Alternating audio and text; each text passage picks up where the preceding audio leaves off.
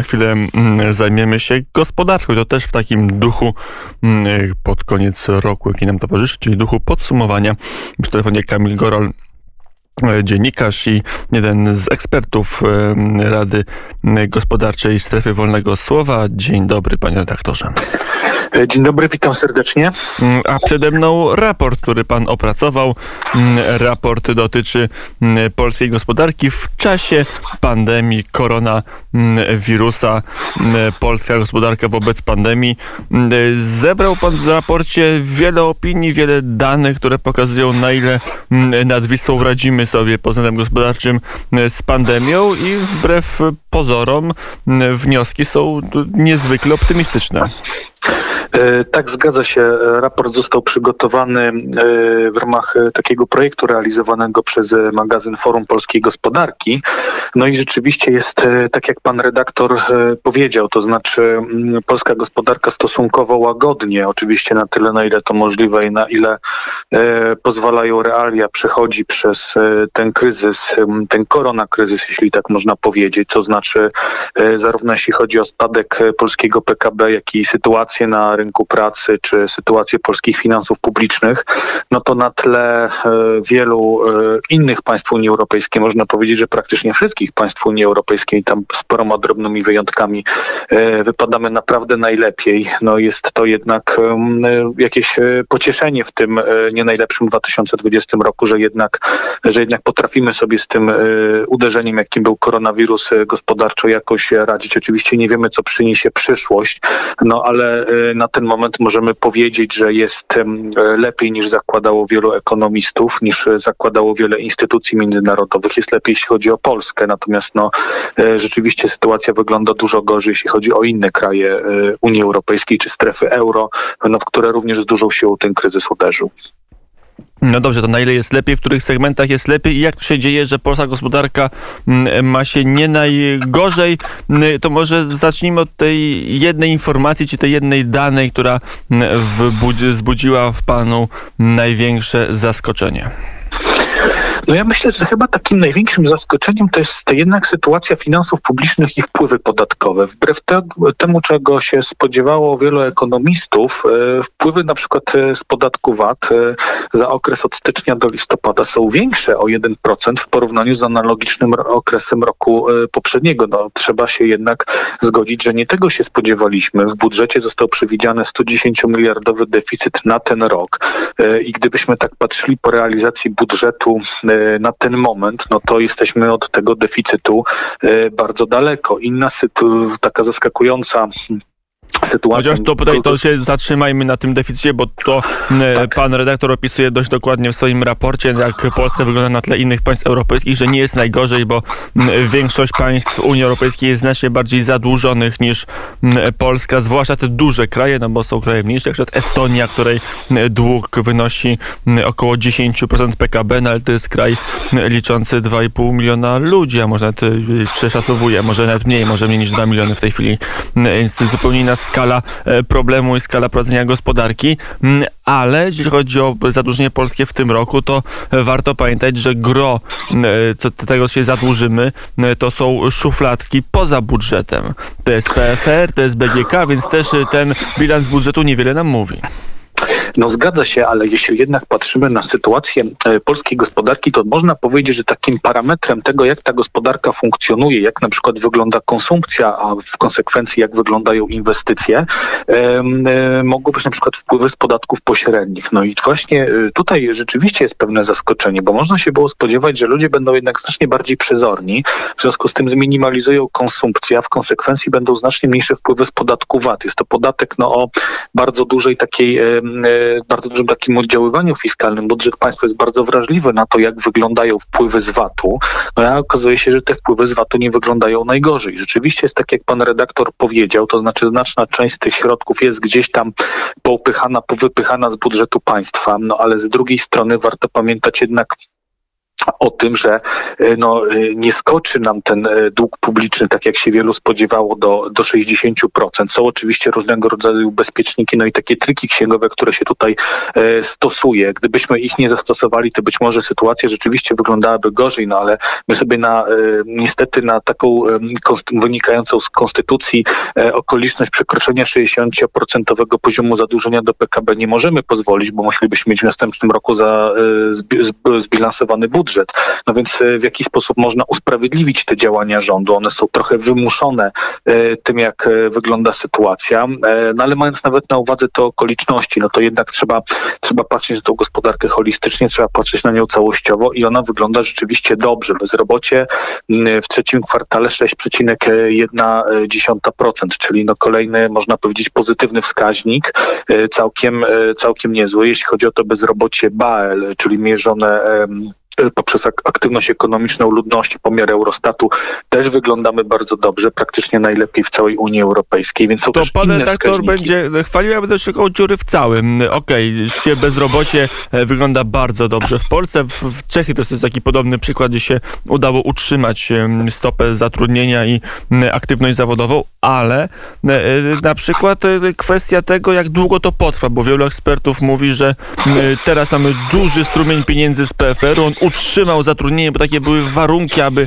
otrzymać tą pomoc. Nikogo nie można zwolnić, więc każdy, kto dostał pieniądze z PFR-u, a tam poszło e, pod 100 miliardów złotych, to utrzymał zatrudnienie, ale ten okres minie, przyjdzie wiosna i albo się posypią upadłości, albo się posypią zwolnienie, że to jest tylko e, chwilowa, zatrzymana stopklatka, a te konsekwencje przyjdą z opóźnieniem. Na ile to widać w pana, z, z, w pana raporcie? Rzeczywiście może tak być, że e, poszczególne e, wskaźniki pogorszą się z czasem z tego prostego powodu, że ta pandemia po prostu w dalszym ciągu trwa. Nawet jeżeli zostaną uruchomione szczepienia, to e, nie zlikwiduje to tych wszystkich obostrzeń, przynajmniej nie zlikwiduje ich z dnia na dzień. A w związku z tym no jest niestety przykrą konstatacją to, że część firm, część, część biznesów po prostu, po prostu tego nie, nie przetrwa. I tutaj się z tym rzeczywiście zgodzę. Natomiast z drugiej strony można potraktować jako swego rodzaju plus plus jednak tą aktywność, e, aktywność rządu poprzez te e, różnego rodzaju e, tarcze, bo jednak udało się te miejsca pracy w dalszym ciągu, w dalszym ciągu zachować. Jeżeli mm, ten wirus, można powiedzieć, zelżeje, skończy się sezon i y, ta aktywność gospodarcza będzie stopniowo, stopniowo wracała do normalności, to będzie można powiedzieć, że, że sytuacja się ustabilizuje. Są też takie jaskółki nadziei pokazujące, że, że być może z tymi miejscami pracy też nie będzie tak źle. Jesteśmy na plusie, jeśli chodzi o y, eksport. Y, jest dodatnia dynamika produkcji przemysłowej w ujęciu rocznym, więc tak patrząc na strukturę polskiej gospodarki, też żeby było jasne, ja nie chcę wpadać w jakiś hura optymizm i twierdzić, twierdzić, że wszystko jest e, super, bo oczywiście e, nie jest. Natomiast patrząc tak y, globalnie patrząc po prostu, jak to wygląda y, w innych krajach Unii Europejskiej, bo to jest dla nas jakiś punkt odniesienia, to tworzy dla nas jakiś kontekst, no to trzeba jednak no, przyznać się, że, że radzimy sobie z tym y, kryzysem lepiej, dużo lepiej niż większość krajów Unii Europejskiej. Inwestycje są może nie kulą u nogi, ale są tym kłopotem, który, z którym mierzy się rząd przez pięć lat, rząd Prawa i Sprawiedliwości nie może znaleźć klucza, jak te inwestycje podkręcić, ale eksport y, ma się z miesiąca na miesiąc, z roku na rok coraz lepiej. E, tu mamy analizy, dlaczego tak się dzieje, dlaczego polska gospodarka tak e, chętnie eksportuje, jeżeli możemy ożywić na chwilę naszą gospodarkę i tak o niej mówić.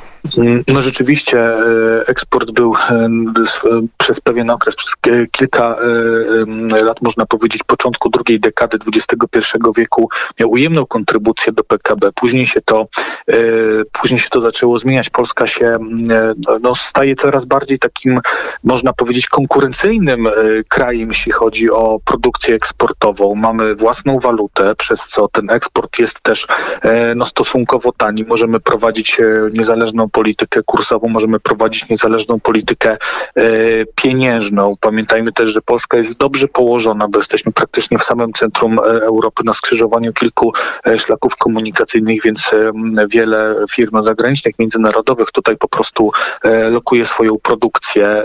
No, to jest pewien minus, można tak powiedzieć, bo, bo można powiedzieć, że to nie jest polski eksport, tylko wywóz z Polski towarów. No niemniej dzięki temu, że e, to ma miejsce w Polsce, powstają e, miejsca pracy e, przyciągamy y, z roku na rok y, liczne inwestycje zagraniczne, bezpośrednie inwestycje zagraniczne, co też przekłada się na to, że więcej się w Polsce produkuje. No i to jest plus. No oczywiście chcielibyśmy, żeby ten eksport polski był przede wszystkim bardziej polski, żeby on był bardziej zdywersyfikowany. Chcielibyśmy tego, żeby to polscy producenci, firmy z polskim kapitałem sprzedawały na zachód polskie produkty, takie jak samochody, sprzęt RTV, AGD. Tutaj pewnie przez jeszcze wiele lat niedoścignionym wzorem będą dla nas e, Niemcy, chociaż e, z drugiej strony myślę, że też ta przyszłość się nie, nie rysuje w jakiś E, najczarniejszych e, barwach. Pan redaktor wspomniał o inwestycjach i tutaj szukałbym jednak pewnych problemów, dlatego że inwestycje e, prywatne w Polsce w dalszym ciągu nie były na zadowalającym poziomie. W ogóle stopa inwestycji w polskiej gospodarce w 2019 roku to było niewiele ponad 18%, a pamiętamy, że według strategii naszego odpowiedzialnego rozwoju to miało być 25% w relacji do, do PKB. Pewnym pocieszeniem jest to, że coraz większą rolę w tej strukturze inwestycji odgrywa odgrywają inwestycje prywatne, a więc to przedsiębiorcy, a nie państwo inwestują.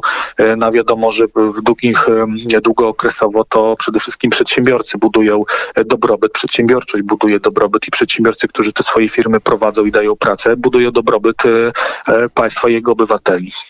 No dobrze, to teraz ostatnia część raportu, się nie część, ale ostatnie pytanie, które się przewija przez ten raport, czyli przyszłość, czyli to jak, jaka z tej Mm, jaka z tej pandemii wyłoni się polska gospodarka, bo padają tam stwierdzenia o tym, że chociażby gospodarka 4.0 już jest, przyszła i mm, zameldowała się mm, nad Wisłą e, i w niektórych segmentach pandemia przyspieszyła e, tylko proces transformacji naszej gospodarki. Na ile eksperci się wypowiadają, na ile e, dane przemawiają za tym, że, że tak naprawdę po pandemii my wyjdziemy mocniejsi i bardziej nowocześni. No zmieni się na pewno charakter polskiej gospodarki, zmieni się w ogóle charakter naszej pracy. Prawdopodobnie będzie to praca o charakterze hybrydowym, w dużej części y, praca zdalna, to znaczy naszym domem y, będzie y, bardziej, naszym biurem będzie bardziej nasz dom niż, niż właśnie firmowa siedziba. To będzie oczywiście wymuszało pewne zmiany, takie jak możliwość zdalnego dostępu do dokumentów, bezpiecznego przekazywania i pracy na tych dokumentach. I to się w Polsce na pewno będzie działo, no bo musi musi się dziać ze względu na to, że, e, że takie są e, uwarunkowania. Z tym przemysłem 4.0 w Polsce w ostatnich latach był pewien problem, jeżeli patrzymy na przykład na e, liczbę robotów, na tysiąc pracowników i tak dalej, to odstawaliśmy nawet nie tylko od krajów Europy Zachodniej, ale też od krajów naszego regionu, takich jak Czechy i Węgry. No ale tutaj również pandemia wymusza szczególnie na pracodawcach, na przedsiębiorcach pewne zmiany, no bo może być taka sytuacja, to, to tak było w tym roku, roku, że y, niektóre firmy stawały się ogniskami koronawirusa i w związku z tym musiały zawieszać swoją produkcję. No jeżeli e, za produkcję odpowiadają e, maszyny, produkcja jest zautomatyzowana i zrobotyzowana, no to takiego ryzyka e, nie ma, więc wydaje się, że prawdopodobieństwo tego, że ta polska gospodarka będzie bardziej wchodzić na tory pod nazwą przemysł 4.0, że to prawdopodobieństwo jest coraz większe. Jak to będzie w praktyce? Myślę, że na podsumowanie trzeba będzie jednak trochę poczekać ze względu na to, że pewne inwestycje, one pewne inwestycje w park maszynowy, w roboty, w cyfryzację i tak dalej, one wychodzą w różnego rodzaju wskaźnik, wskaźnikach z pewnym opóźnieniem. Myślę, że już tak w drugiej połowie przyszłego roku będziemy mogli trochę więcej na ten temat powiedzieć. I to jest element, na który czekamy, ale też tylko o tą gospodarkę. Na ile z tego całego raportu, o tą gospodarkę 4.0 oczywiście, mhm. wynikają wytyczne, które pokazywałyby, jak rząd powinien starać się kierować polską gospodarkę, jak powinien starać się budować otoczenie dla firmy tak, aby te firmy jednak wyszły po pierwsze żywe z tej pandemii, a po drugie, żeby jednak bardziej dostawały się do, do, do, pracy, do pracy hybrydowej i do momentu, w którym gospodarka stanie się już znacznie bardziej cyfrowa.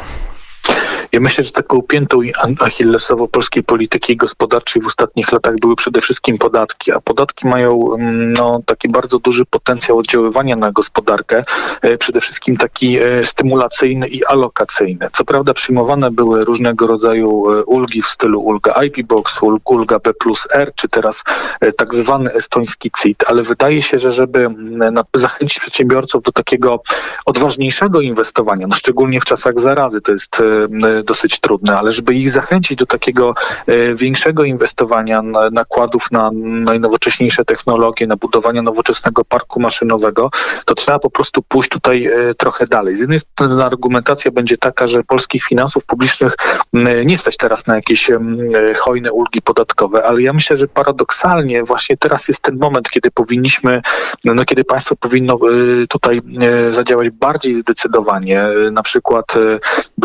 bardziej y, zdecydowanie jeśli chodzi na przykład o, o amortyzację w ten sposób, żeby była możliwa na przykład amortyzacja, szybka amortyzacja y, środków trwałych. Y, to jest, to, o tym też jest mowa w naszym raporcie. Po prostu wtedy przedsiębiorca może szybciej rozliczyć w kosztach poszczególne inwestycje, co oczywiście poprawia jego płynność, a w czasach pandemii wiadomo, że każdy grosz się liczy. E, powiedział Kamil Golar rzecznik, nie rzecznik, tylko dziennikarz i redaktor związany ze strefą gospodarczą, z Radą Gospodarczą Strefy Wolnego Słowa. Dziękuję bardzo za rozmowę. Bardzo serdecznie dziękuję, pozdrawiam.